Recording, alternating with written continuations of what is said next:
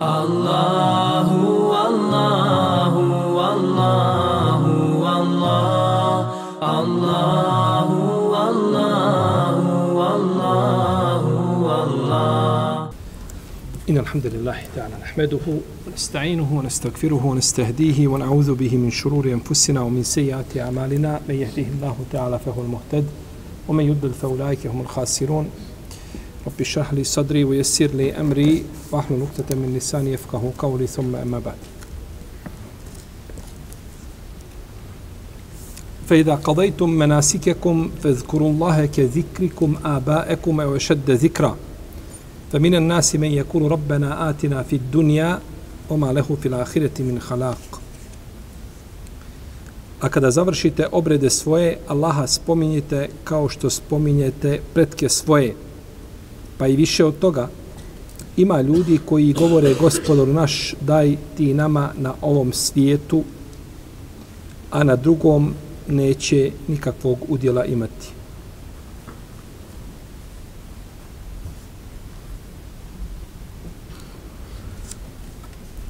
Nama je ostalo od eh, prošlog ajeta kada smo govorili o a, prvom oslobađanju od ihramskih zabrana, ako se sjećate, Ostao nam jedan rivajet koga ćemo spomenuti kratko prije nego što počnemo s ovim ajetom današnjim. A to je rivajet koga zabilježi imam da rekutni u svome sunanu od Aisha radijallahu talana kaže da je poslanik sa osam rekao ko baci kamenčiće na Bajram i ko obrije svoju glavu i ko zakolje kurban, dozvoljeno mu je sve osim žena. Dozvoljeno mu je i odjeća i mirisi. Ovaj rivajet je problematičan. Prvo, njemu su pregovorili veliki hadijski stručnjaci. Pregovorili su mu imam Eneu ibn Molekin, Eriraki ibn Hajar, i drugi velikani hadijski nauka. I tim prije što je on oponira onome što je došlo u dva sahiha. Od Aisha radijallahu ta'ala anha. Kada je kazala, kaže, kako došlo kod Buharije i kod muslima, kaže, ja sam poslanika, sa salam, mirisala ovim rukama. Pa je digla svoje ruke. Ovim rukama sam ga, kaže, mirisala kada je ulazio u obrede, kada je ulazio u obrede, znači neposredno prije ulaska u obrede, i kaže a, prije nego što je kada se oslobodio ihramskih zabrana, prije što obavio tavaf. Znači kada je bilo prvo oslobađanje ihramskih zabrana. Ajša ga je, ovo je došlo da ga je mirisala. Znači, ali nije došlo da se spominje ovdje bacanje kamenčića i da se spomene, spominje klanje kurbana. Tim prije što klanje kurbana ne ulazi u, nema ništa sa, sa oslobađanjem od ihramskih zabrana. Pa je ovaj rivajet došao sa dodatkom onoga što se navodi kod Buhari i kod muslima od Ajše. Ajša kod, kod Buhari i kod muslima nije spomenula ni klanje kurbana, niti je spomenula bacanje kamenčića, niti je kazala da je to je poslanik, sa sam tako rekao. Pa, kada u jednom rivajetu dođe ono što nije spomenuto, onome što je vjerostojnije od njega, to se u hadijskoj nauci zove munker. To je ništa mani vajet. Jer jedan drugi je došao da Ajše. Puno bi preče bilo da Ajša spomenula ovaj drugi rivajet, nego ovaj prvi. A on došao kod Dare Kutnija. I zato smo spominjali da je sunen Dare Kutnija, bojim se još uvijek jedan zatvoreni sanduk, kome, kome će ovaj, oni koji se bave hadisom trebati posvetiti još mnogo vremena. Šta je bio cilj imama da Kutnija, koje rivajete da spominje? Što imam da rekutni birao te rivajete takve prirode? Koji su čudni, i koji su iznimni, ima ih dosta. Odudaraju od onoga što je došlo u vjerodostojni predaj, ima, ili imaju dodaci koji su sporni. Imam da Kutnije imao jedan cilj, ovaj koji nam nije pojasnio, Rahimehullahu ta'ala. Pa je ispravno ono znači što je došlo u dva sahiha. Uh,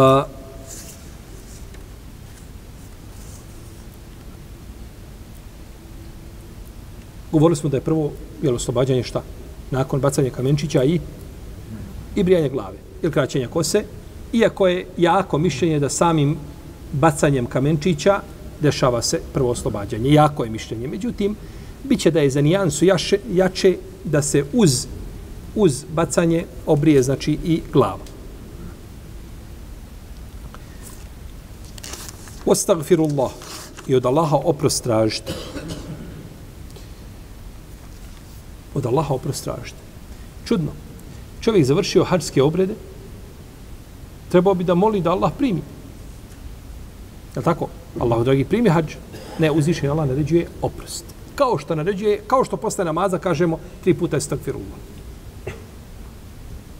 Ne kažemo Ja rab, takabbel minna. Nego kažemo estagfirullah. To je, braćo, došlo. Šta je mudrost toga? Allah za najbolje. Međutim, možda nije isključeno da je mudrost toga da čovjek ne bi se ovaj osilio, da ne bi se vidio velikim. Tako. Ja, ja klanjao namaz u poslaniku, znači, ja klanjao namaz Bejtullah. Ja rab. I nakon toga čovjek onda sebe vidim velikim, je tako? Ne, nego estagfirullah. Istikvar poslije. I ovdje je istakfirullah, tražite istikvara zbog onoga što su veli pagani u vrijeme čega? Hadža kada su im žene hodale oko Kjabe gole, kada su, kada nisu izlazili gdje? Na Arefat, nego ostanu znači, u granicama harema, zaštićene zone, boravili na, na, na muzdalifi, ne bi znali, i slično, i slično tome. A najbolji istikvar je, ostak virula, najbolji istikvar je ono što zove sejidul istikvar. Allahumma anta rabbi la ilaha anta khalaqtani wa ana abduka wa ana ahdika wa adika mustata'ta wa dhubka. Znači do, do kraja istikvara, on je najbolji istikvar kojim čovjek kako je rekao poslanik da je to šta? Poglavar istikvara. Imamo ovdje znači ajet u kome uzvišeni Allah kaže a kada završite hađske obrede kada kadaitum menasiku. Imam Mujahid, uh, imam Mujahid kaže, misli se ovdje kada završite, misli se kaže kada zakoljete kurban. Kada zakoljete šta? Kurban. Međutim, riječ kada, fejda kadaitum, kada, kada u arapskim, odnosno u jezikama knjiga kada znači može značiti ima može imati dva značenja. Može znači završetak. I u jeziku znači fejda kadajtum, fejda kadajtum, fezkurullahe ke zikrikum aba fejda kadajtum us salat. Fejda kadaitum usala misli kada završite džumu namaz. Kada završite Fejda kadaitum ussalate fantashiru fil ardi wabtagu min fadlillah. Raziđite se po zemlji i tražite od Allahovog dobra. Misli se da je nešto završeno. A u terminologiji šerijata može značiti nešto što je nasuprot nečega što zove eda. Eda i kada. Eda je obavljanje ibadeta u njegovom propisanom vaktu. A kada je obavljanje ibadeta nakon tog vakta. Pa kažemo za namaz da je to kada, mi kažemo kaza namaz. Je tako? Kaza. To je u stvari kada, to je naklanjavanje. Kada, kaza. Jel? Kod nas se tako kaže. Kada je naklanjavanje. Kada je naklanjavanje. Jeste. Pa može doći, znači, u ova dva oblika.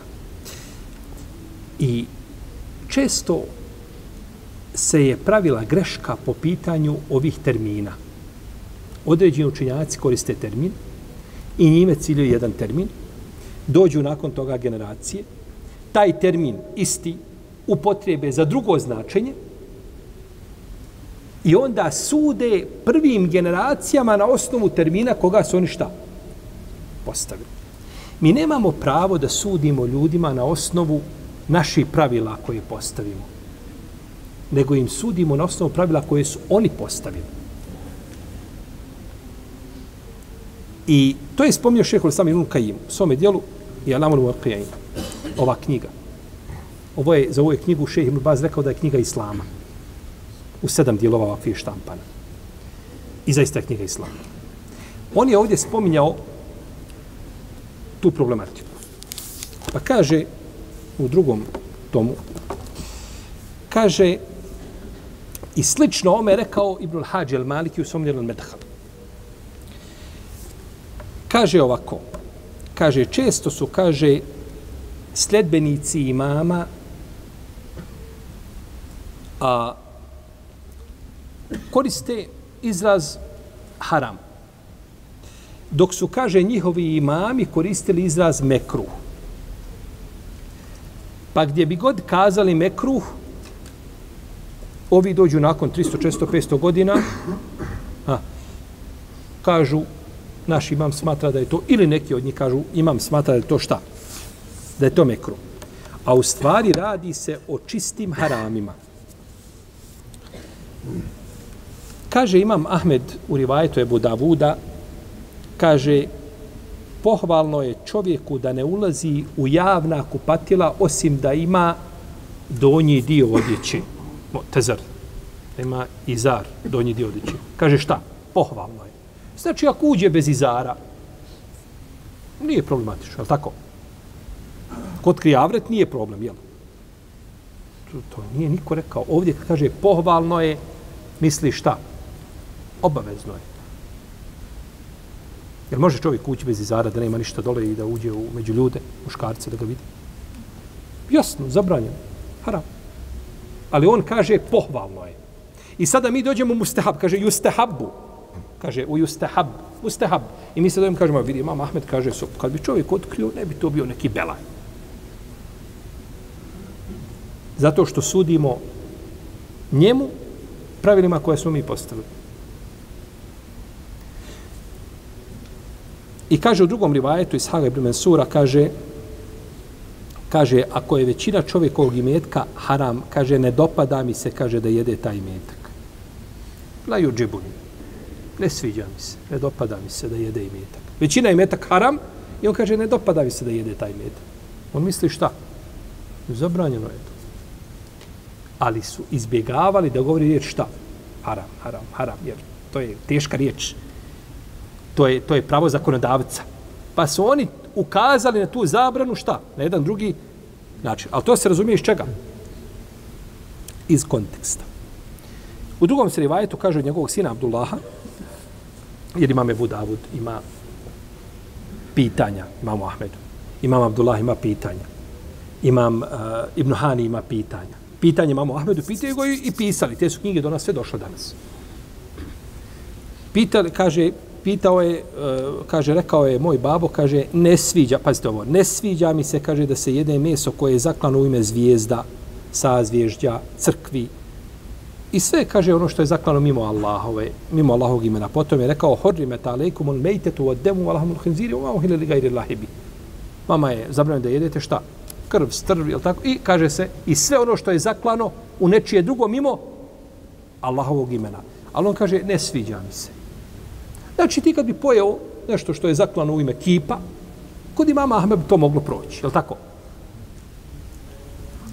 To kada bi uzeo riječ, la jođibu, ni ne sviđa mi se, ne dopada mi se, tako bi to protumačio. Ni imam Ahmed, naprotiv, imam ti Ahmed ovdje govori, ja dokazujem čime. Ajetom, šta kaže ajet? Hurrimet metalejkom, haram vam je. Ali imam Ahmed bježao od čega? Od izraza šta? Haram. To je fik imama. I onda mi dođemo nakon toga, evo živio, ja ću reći, imam Ahmed nije rekao da je haram. Znači, ako neko dođe i zakolje u ime nečega mimo Allaha, ipak bi se to moglo jesti pod raznom. I spomeneš onda taj rivajet, što je pogrešno. Definitivno. U rivajetu kod, od Lesrema kaže se a prezirem, kaže, meso dželale i njeno mlijeko. Dželala je životinja koja jede nečist. čist. I koju treba prije klanja, trebalo bi je, znači, ovaj, ostaviti jedno vrijeme, znači da se očisti. Čak je imam, e, imam, imam je sigurno. Ashab Ibn Omar je zatvarao pile. Tri dana. Tako došlo kod Ibn Bešejba od njega. Dželala je životinja, došla je zabrana kod Tirmizije da se jede meso dželale i da se pije i da se pije njeno mlijeko. To je životinja koja jede šta? Nečist. Nju je osnovi dozvoljeno jeste, ali je jela nečist i neće se, znači, do, došla zabrana. Došla je kod imama Nesaje čak zabrana da se jaše ta životinja. Neće ni uzjahati. Kaže imam Mahmed, kaže ekrahu. Mekruh je kod mene. Prezirem da se šta jede. A u hadisu došla jasna zabrana. I po njegovom mezhebu to je haram. Kod imama Ahmeda. Međutim, kaže šta? Ekrahu. I ti ćeš kazati to je kod imama Ahmeda šta? Mekruh, je li tako?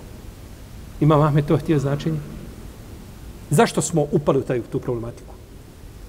Zato što smo pravilima koja su nakon toga došla, da smo podijeli, jel tako, ahkam teklifije na, ne znam, vađib, na, na sunnet, na, na, na, na mubah, na mustehab, na, na mekruh i na haram, kod, jel tako, pet, kod, kod većine islamskih učenjaka, kod Hanefija ima, oni, oni prave, jel tako, hari, mekruh tahrimen i mekruh ovaj, tenzihen. Napravili smo mi ili postavili pravila i sudimo islamskim učenjacima koji su bili prije nas. To je pogrešno. I u to, na to je, znači, šejh sami Ibn, Ibn Kajim upozorio u svojoj ovoj knjizi Rahimehullahu, Rahimehullahu Teala.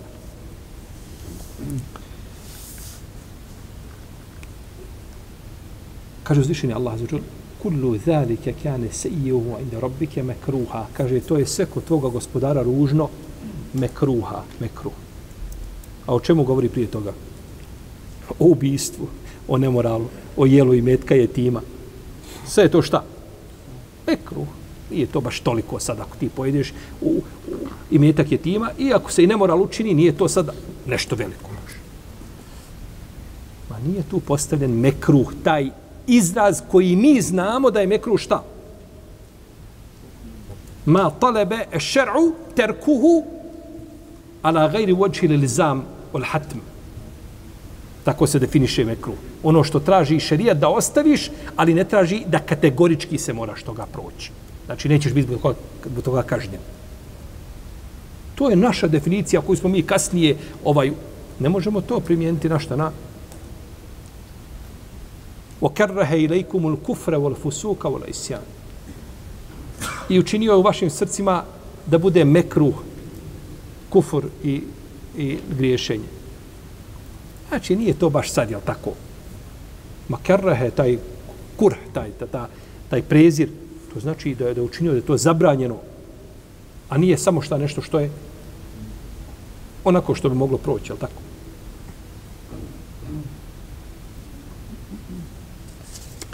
Pa su, znači, u tom pogledu su napravljeni, znači, određeni propusti, jel tako, kod određenih imama. Naravno, ovo ne treba shvati da čovjek shvati, e, ima li grešaka? Allahu ekber.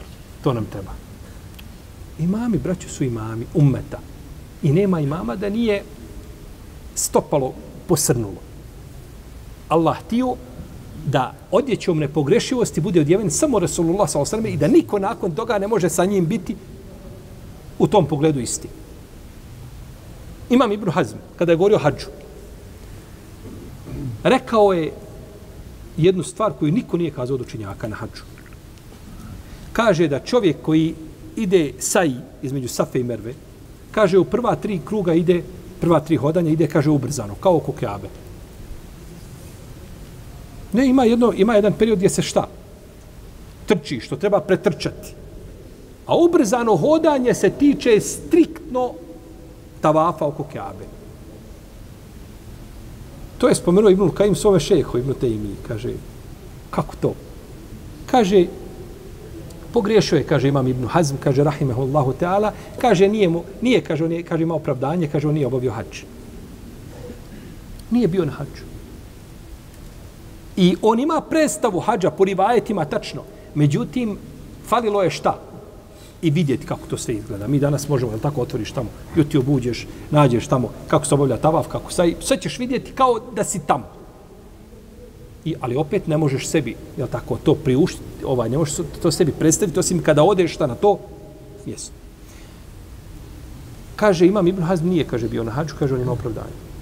Imam Ibn Hazm, braćo, je bio enciklopedija po pitanju rivajeta, po pitanju kad nekome odgovara, kad hoće nekoga srušiti, samo da mu Allah bude na pomoći. Neće sačuvati. Ali džaba je posrne. Tako. Posrne pa je spomenuo nešto što nije, jel tako, ovaj, bilo, jel tako, ima, ima skupina učenjaka koji nisu obavili hađ. Ibn Sejde, poznati lingvističar, nije obavio hađ. Pa je rekao, kaže, za hađ, kaže, na refatu se, kaže, bacaju kamenčići. Nije bio na hađu, nije vidio, nije. To tebi neko priča, prenosi, sve to lijepo. Ali ja to moram svojim očima vidjeti. Lejsel haberu ker mu. Nije isto šta vidjeti nije isto vidjeti i čuti. Kad je jad nije obavio hađ. Veliki malikijski učenjak, kada je spominjao neke stvari, on je spomenuo da je on je spomenuo da je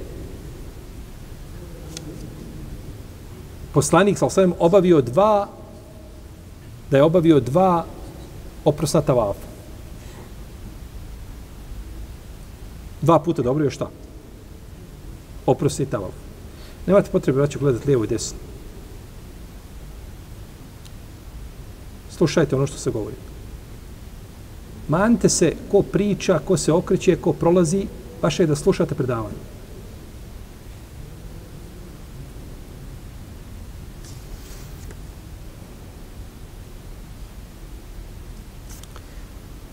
Kadija i Jad je rekao da je poslanik sa dva puta obavio oprosni tavaf. Kaže Ibnu Hadžar, nije ni čudo, kaže, on nije, kaže, nikada bio na tim mjestima. On nikada nije vidio Kjabe, nikad nije vidio Mesčidul Harama, nikad nije vidio nešto na osnovu čega bi mogao zaključiti s koje strane poslanik sam došao, pa je li dva puta ponovio oprosni tavaf tako da bi ubio šta zadnja stvar koju čini tu Meki, da bi bio, je li, tavaf. I čak imam uh, imam Zahebi spomnio Sijeru da kaže ne znam da imam El Begavi obavio hađ. I spomnio da imam Širazi nije obavio hađ. A kaže da je htio obaviti Ebu Isake Širazi poznati, uh, poznati šafijski učenjak. Kaže da je htio obaviti hađ kaže ljudi bi ga nosili na leđima. Stavili bi ga u korpu i nosili ga. I spominje se to za druge učenjake, Dame Gani, Ebu Abdillah, vrhovni kadija, anefijski učenjak, da nije on nije obavio hađ. I spominje se to skupine učenjaka da nisu imali priliku obaviti hađ. Pa je šehol Islam i temi nas, našao opravdanje. Kaže, on imao priliku šta da ode? Da ode obaviti hađ. Pa ko nađe ovaj učenjaku opravdanje za grešku koju je upao, taj će čuvati svoj jezik od, od islamskih učinjaka. I Allahova je milost i dobrota to što učinjaci griješe. Jer da ne griješe, počeli bi ljudi stavljati u, u, u ravninu s poslanikom, sa osalim da ih slijede, da tako, pogrešio, pogrešio ništa, popravi se greška, ide se dalje, kao da ništa nije bilo. A onaj ko ima hiljade dobrih dijela i hiljade i desetine hiljada ičtihada koji su ispravni i desi se par, dva, tri, četiri, pet, deset, stotinu da se desi tih pogrešaka, to se istopi u moru dobrih dijela i ispravni, znači ičtihada. Dobro. Fezkurullahe ke zikrikum abaekum. Ispominjite Allaha kao što ste, kao što vaše očeve spominjete. Kada bi pagani u pagansko vrijeme, kada bi završili ljudi hađ, oni bi stali kod džemerata kad završe i nakon toga bi počeli hvalisati, svojim, hvalisati se svojim očevima. Pa jedan od njih rekao, moj babo je bio darežljiv čovjek. Davao je, izdvajao je, moj babo je bio takav, moj babo je bio takav. Pa bi se hvalisali svojim šta? Očevima. Pa je objavljen ovaj ajet hvalite i veličajte uzdišenog Allaha na mjestima koji simboli vjere, kao što spominjete svoje očeve. I došla od skupine e, ovaj, i od ashaba i od tabina, došli su povodi objave ovoga šta? Ajeta.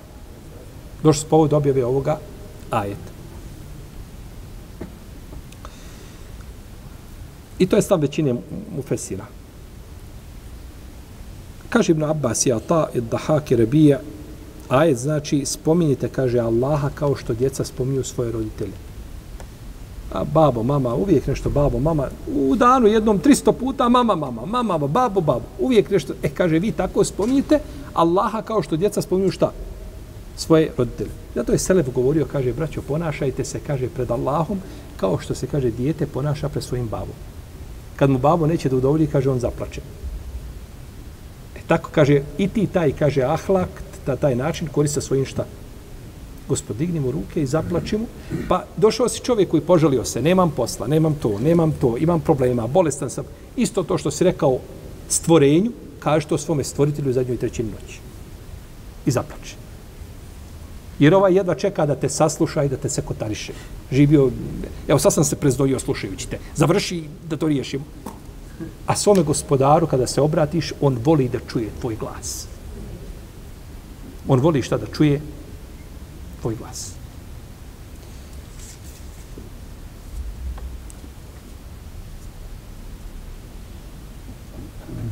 Kaže Ebol Džouza, kaže, rekao sam Ibn Abbasu. Rekao sam, kaže Ibn Abbasu. Kaže, danas ljudi ne spominju očeve. Kaže, pa šta je onda značenje ajeta? Kaže, značenje ajeta, kaže,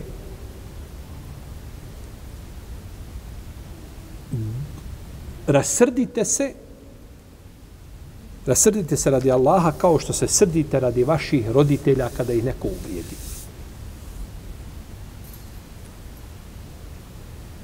Kaže, to je značenje ajeta. Evo je šedde zikra. Ili još žešće od toga, ili još više od toga, što smo kazali u prevodu. Znači, spominjete Allaha još više od toga, budite ustrajni i nemojte prekidati. Kao što spominjali koga svoje pretke.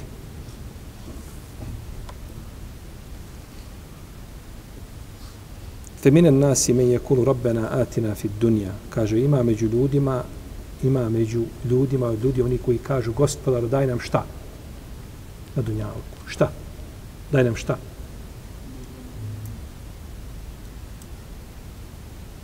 Atina fi dunja. Kako ide ajet? Mumine nasime je kulu rabbena atina fi dunja. Oma lehu fil ahireti min halak. Šta mu daj na dunjavku? Nije spomenut objekat. Šta želiš? Ništa. On traži šta? Dunjaluk. Uzvišen je Allah mu ne da teufika, ne da mu, ne čini ga, ne, nije ga učinio uspješnim da kaže šta želi. Zato što dovi samo zašto? daj mi na dunjaluku, kaže na ahiretu nema ništa. Šta na dunjaluku daj? Daj mi šer, daj mi zlo, daj mi ništa. Nije imao, nije imao, znači nije bio uspješan da kaže šta želi, zato što dovi za šta? Imaš pravo da doviš za dunjalog. Ima naredni ajet, je tako? Ali drži nekakav balans. Pa nije opće spomenuo šta, nego daj nam na dunjaluku. To je, to je pogrda, braćo.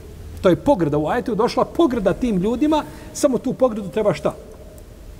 I pogrda je tako, ne mogu kazati kulturna, ne, ne, ne može tako govoriti o Koranu, ali tako je, pogrda je tako došla na tako jedan eh, čudan način da je skrivena i da se može, znači, razumjeti za. Kažu neki učinjaci, to ciljani su time mušici koji su samo tražili šta? Dunjavu koji straže samo dunjalu.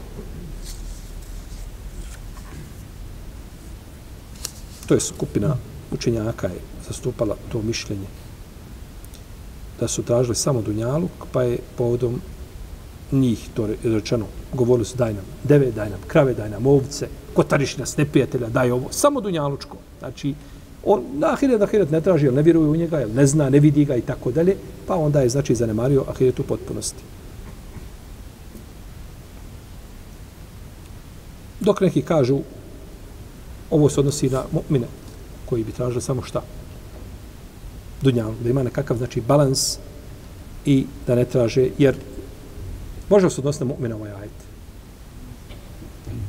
Daj nam na dunjaluku, ali na ahiretu nemaju nikakvog udjela. Ne može. Može. Nemaju udjela na ahiretu, ne misli se nemaju nikakvog udjela, ništa. Nemaju udjela koga imaju oni koji šta dove i traže i ahiret. Moglo bi se te strane, jer vjernik koji bi živio cijeli život na Dunjaluku i ne bi nikad molio, obavlja svoje, izvršavao, nije nikad digao ruke i dovio Allahu ovaj da, za džennet i tako dalje. On nije time izišao van okvira islama.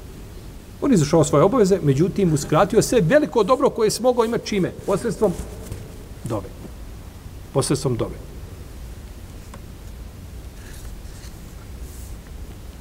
ومنهم من يقول ربنا آتنا في الدنيا حسنة وفي الآخرة حسنة وقنا عذاب النار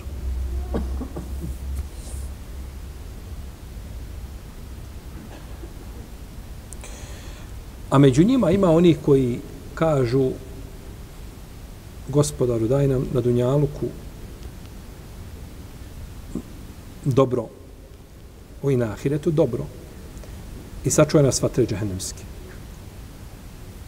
Vidite kako vi su znali kazati šta, šta, šta žele, daj nam hasene.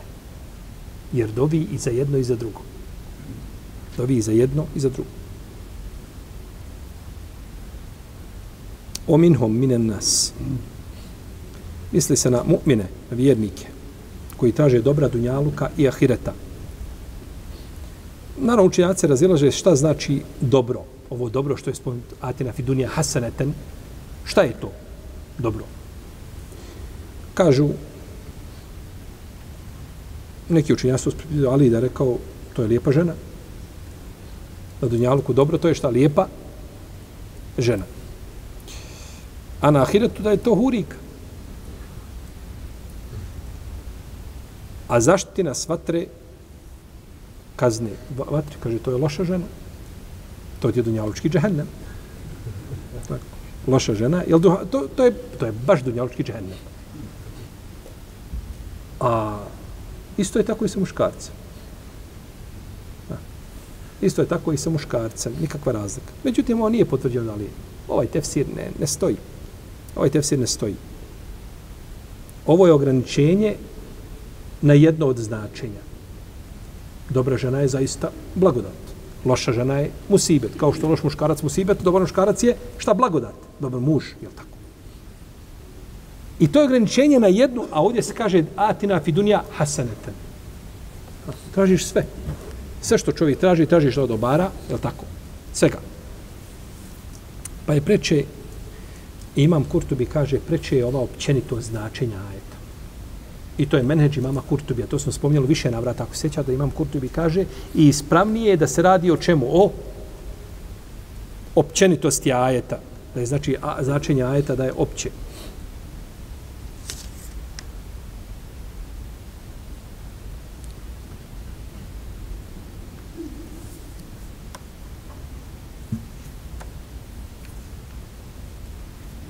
Daj nam na dunjalku dobro i daj nam na ahiretu dobro.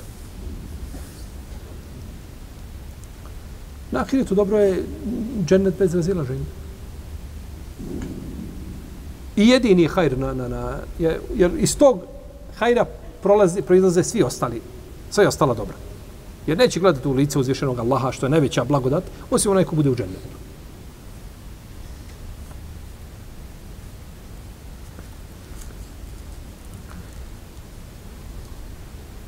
Došlo u hadisu da je jedan asab došao poslaniku, sa sam nam rekao, tako bilježi imam Mađi, imam Budavud, imam Ahmed i drugi, svi rodostojim lancima, kaže, imame ne. Da je rekao Allahu poslanič, kaže, ja ne znam to doviti kao što ti doviš. Ja ne znam doviti kako ti šta doviš. Kaže, la uhsinu dendenetek, wala dendenete muaz. Kaže, dendena je kad ti pričaš i ti vidiš da neko nešto izlazi zvuk, ali ti ne razumiješ riječi. To je dendena. Ja to kaže, ne razumijem to što ti i muaz dovite, kaže, ja kaže, dignem ruke, Allahu dragi, kaže, daj mi džennet i sačuvaj mi džehennema. Pa kaže, haule hanu dendin, pa kaže, i mi sve oko toga pričamo. Sve se naša priča vrti i doba vrti oko toga što ti hoćeš.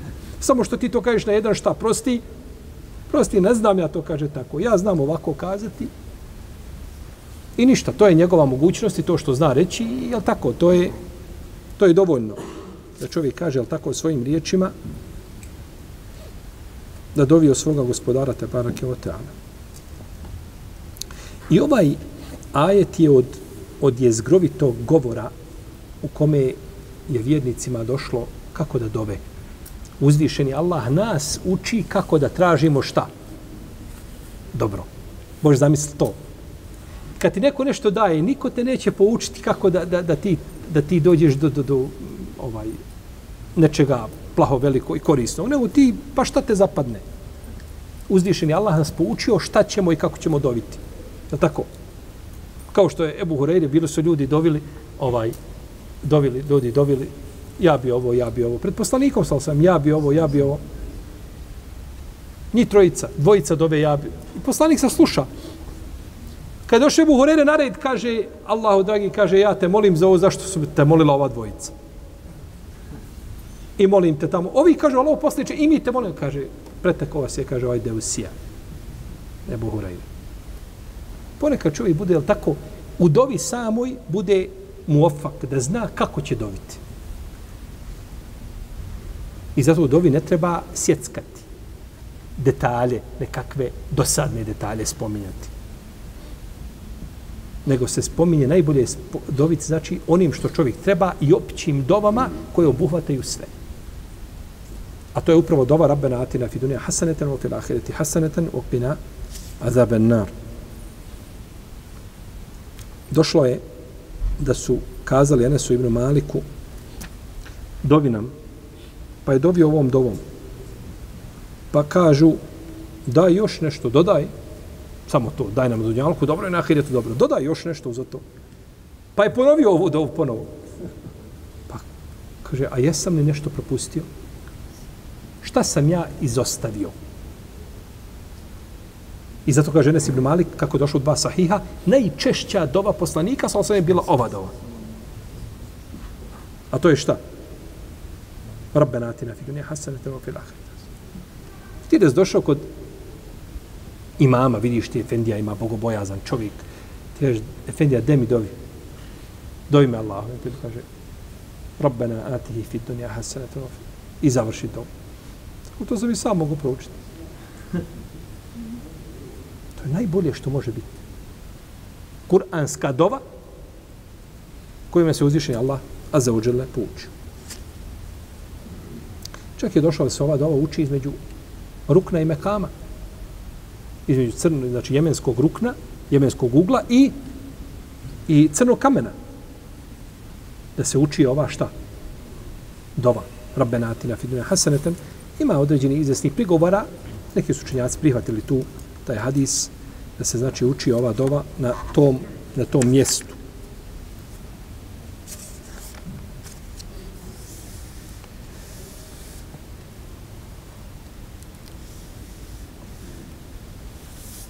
Ibn Abbas je govorio, kaže, kod jemenskog ugla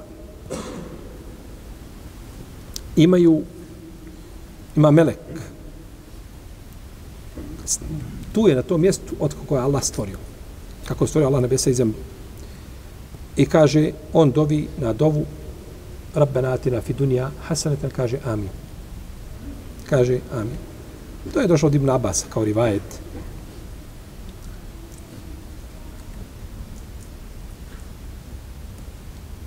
A kaže Ata ibn Rebah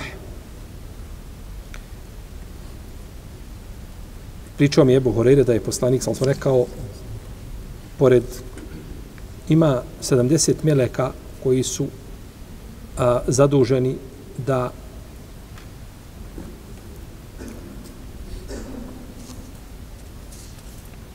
vjernicima dove kada dove na Rabbena atina fi dunya hasanatan wa fil akhirati hasanatan wa qina adhaban nar da oni kažu amin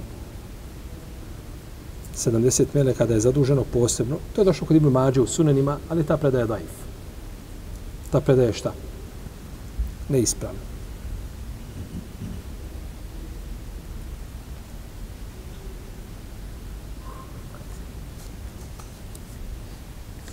Ulajke lehum nasibu mimma kesebu. Allahu seriju hisab. Njima pripada udio koji su zaslužili Allah doista brzo sviđa račune. Ulajke lehum nasibu mimma kesebu. Njima pripada udio koji zaslužili. Na koga se ovo odnosi? Na prve ili na druge? Na druge. Ovo se odnosi na druge, kojima smo. Na mu'mine. i njima pripada nagrada i hađa i nagrada dove. Jer je dova ibadet. A neki kažu odnosi se i na prve, pripada im kazna. Jer kesebu, što su ono što su sebi, što su uradili, što su zaradili, to pripada jednima i drugima. I definitivno da pripada i mu'minima i ne mu'minima ono što su radili i tako će biti sodno tome nagrađeni, odnosno kažnjeni. Kako kaže uzvišeni Allah azuđel, وَلِكُلِّنْ دَرَجَاتُ مِمَّا amilu. Kaže i svima njima pripadaju deređe sodno onome što su radili. Kome svima njima? Ljudima i džinima. Jer uzvišeni Allah azuđel kaže ja mašer el džini wal ins elem je'tikum rusulum minkum yakussune alejkum ajati o ljudi i džini, o skupinu ljudi i džina, zar nam nisu dolazili poslanici moji i moje vam ajete govorili. Potom kaže, voli kullin deređatu mimma amilu, oma rabbuke bi gafilin amma jamelun. I kaže, svima njima pripadaju stepeni za ono što su činili, a Allah neće nikome nepravedan biti. Ovo ukazuje da su džini isto tako obavezani šarijatskim propisima i da su to naša braća koja će biti sa nama u džennetu. Jasno, o skupinu ljudi i džina, i onda se kaže i svakom od njih pripadaju stepeni shodno onome što su radili. Što ukazuje na šta? Da su bili zaduženi šerijetskim šta? Propisima.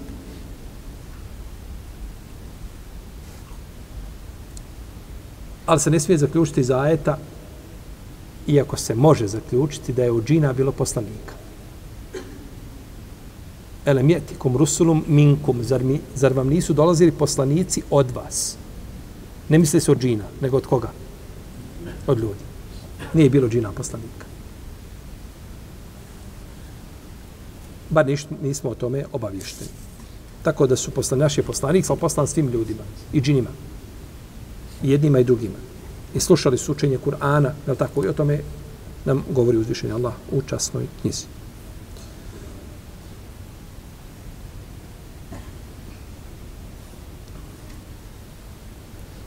Allah brzo sviđa račune. Allahumme munzil al kitab serija al hisab o ti gospodaru, gospodar naš koji si knjigu spustio i koji brzo račune sviđaš.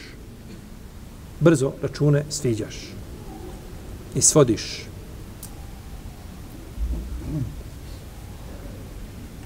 Brzo zato što uzvišen je Allah zašto su ljudi radili.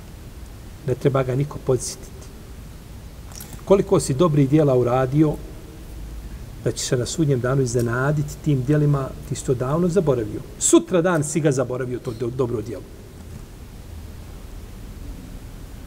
Taman da se otvorio vrata starom dedi u haustoru da prođe i pustio ga, nisi to nigdje ni broja u dobra dijela, imat ćeš. A, nažalost, bit će i oni drugi. Biće oni drugih koje smo zaboravili, a bit ćemo pitani za njih.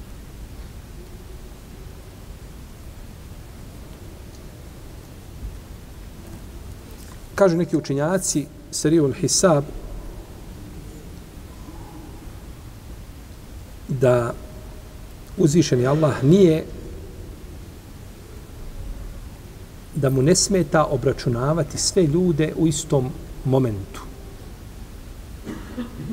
čovjek ne može od nas niko raditi dva posla od jedan put. Niti dvo, slušati dvojicu da ti pričaju. Niti nemaš dva moždara centra. Maš jedan i je dok jedan zaposlen nečim, dok ga nešto zaokupira, gotovo više, završeno, tako. Zato kažeš, čekaj, stante, stante, jedan po jedan, ne mogu dvojicu slušati kad pričate, je tako? To je, takav je čovjek. Uzvišen je Allah, te barake o teala, može ljude obračunavati sve u jedan moment, sve ljude na zemlji. Sve koji su bili, obračunavaj svi u istom u istom momentu. Ma halkukum wala ba'thukum illa ke nefsim wahide. Stvaranje vas sviju i vaše proživljenje je kao stvaranje jednog čovjeka i njegovo proživljenje. Na zemlji je do sada bilo milijarde, milijardi, ne znam više kakvi brojevi imaju, tamo nekakvi oni, oni, ja tako, ne znamo, ne, ne možemo i ni pročitati ljudi na zemlji uzvišeni Allah i svi stvori kao jednog čovjeka i proživi ih kao jednog čovjeka i obračunava ih kao jednog čovjeka. I nikome nikoliko zrno gorušice neće nepravda biti učinjena. I nema za čovjeka bolje, boljeg nadzora od toga da zna da će stati pre svoga gospodara i da će biti pitan. Najbolji nadzor koji može, za sve ćeš biti pitan. I onda čovjek zna, jel tako da, neće prelaziti Allahove granice. Kaže Hasan al-Basri, obračun je, kaže, brži od treptaja oka.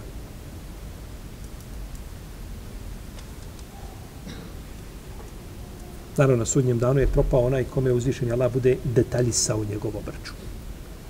Kome bude ulazio u detalje. U rizk, u obskrbu ti si zarađivao. I za svaki ćeš, za svaku marku ćeš polagati račun. Propao si kogod da si. Ako bude obračunavan općim obračunom onako, nade se dobro.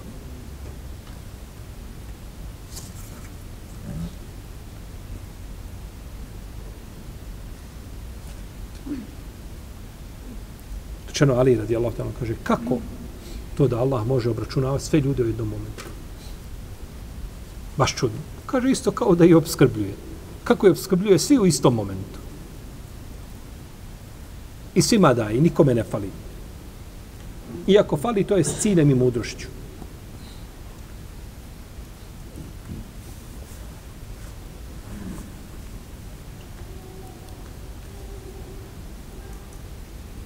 Jome je basuhum Allahu džemijan fe unebihum bima amilu. Ahsahu Allahu anesu. Na dan kada će Allah proživjeti sve i obavijesti onome što su radili, a oni su to već zaboravili. Pa Allah svodi račune i neće nikome biti nepravda učinjena. Pa ovim ajetom uzvišen Allah želi posjetiti ljude na sudnji dan da Allah sviđa račune i da neće proći bez obračuna. Da niko neće proći bez obračuna. Pa da čovjek gleda šta je sve pripremio za sudnji dan i da sebi tako olakša obračun. I što se čovjek bude više samog sebe obračunavao na Dunjaluku, lakše će položiti obračun na Ahiret. Kaže Enes Imr Malik, ušao sam, kaže, sa Omerom u jedan vrt. Kaže, i on je prošao, kaže, iz jednog zida, između njega, i njega i mene zid. I on kaže, Omere, o vladaru, on monolog vodi sa sobom, Omer, kaže, o vladaru pravovjerni, kaže, ili ćeš se, kaže, Allaha bojati, ili će te, kaže, Allah kazniti. Pa ko sebe bude analizirao šta radi i šta čini, nema sumnje da će se tako popraviti. Pa će mu biti obračun na sudnjem danu lakši.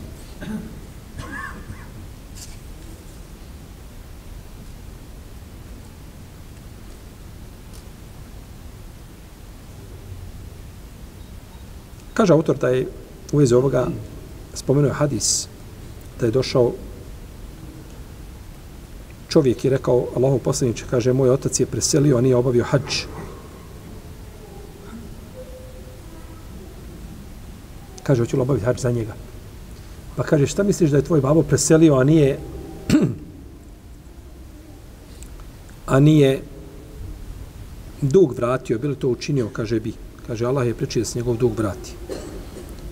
Pa je upitao, imam li ja nagradu hađa? Kaže, pa je rekao, uzvišen Allah, njima pripada dio koji su zaslužili. Znači, da bi čovjek imao šta nagradu od, ti obavljaš za nekoga hađ. Imaš li ti nagradu hađa? Ili ti imaš nagradu svojih namaza koje klanjaš u haremu, nagradu dova, nagradu telbije, ali da je hađ i hađski obredi da su vezani za koga? Za mejita. To je predmet razilaženja među učinjacima. Da li čovjek može imati, znači, ovaj, tu nagradu? U svakom slučaju, Ibn Sejmin kaže da ne može imati nagradu hađa. Nagradu hađa ima ko? Onaj za koga se obavlja hađ. A ovaj može imati šta? Veliku nagradu. Međutim, Said ibn Musejib, kada je upitan o tome velikan iz generacije Tabina, kaže Allah je milostivi prema jednom i prema drugom. Allah je milostiv šta je prema jednom i prema drugom. Obavlja hađ za njega, otišao da obavlja hađ za to je žrtva velika. I nije isključeno da on ima istu šta? Nagradu. Ima Mahmed kada je upitan, kaže, jeste, kaže, ima istu nagradu. Ima šta istu nagradu. Jer on kaže, ovaj, obavlja farz za čovjeka. I ovdje kada bi spomenuli hadis u kome poslanik sa osam kaže eddalu ala l'hajri kefa'ilihi onaj ko nekome ukaže na dobro ima nagradu kao onaj koji to uradio. Znači ovako ti kaže. Ti ideš iz džamije i čovjek izlazi, ti ga za ruku poučeš, slušaj me, Mohamed, je sobavio hađ? Nisam. Kaže, idi živio, upiš se, ima još nešto malo mjesta, a ne znaš koliko ti Allah odredio da živiš. Požuri s tim. Nećeš se pokajati nikako. I Muhammed odmana, tramvaj gore u uredi upiše se. Jesi mu ti ukazao na dobro? Imaš nagradu kao i on. A što misliš onda kad odeš ti sobom i ti taj ibadet obaviš za njega? Jel tad preče da imaš nagradu? Puno preče nego to samo, je tako puko, ovaj, e, verbalni taj savjet što si mu dao, jel, idi, idi, upiši se i tako dalje. Allahu alem da čovjek koji je obavio hađ za nekoga da ima ovaj, ovaj pravo, da ima, da ima nagradu hađa. Da ima nagradu čega? Hadža. Mi smo ovim braćom završili prvi tom tefsira imama Kurtubija.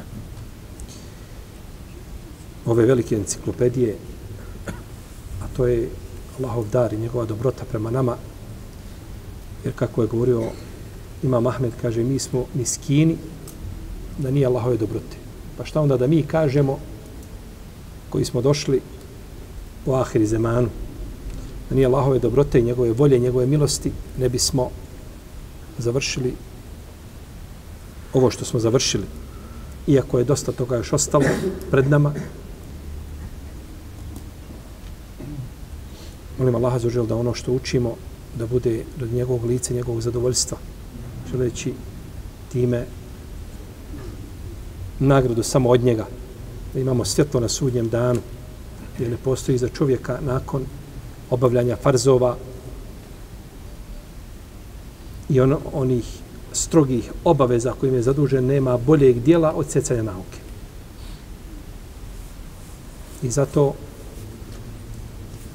gdje god može čovjek sjesti da nauči nešto svoje vjeri, to je najbolja vrsta ibadeta. Bolje mu je sjesti u halku gdje se priča o Allahoj vjeri, nego pored crnog kamena provesti noć na seđdi. I oko toga nema razilaženja među islamskim učinjacima. Da je stjecanje nauke bolji, bolji ibadet od dobrog namaza. A mi ćemo uz Allahovu pomoć nastaviti nakon toga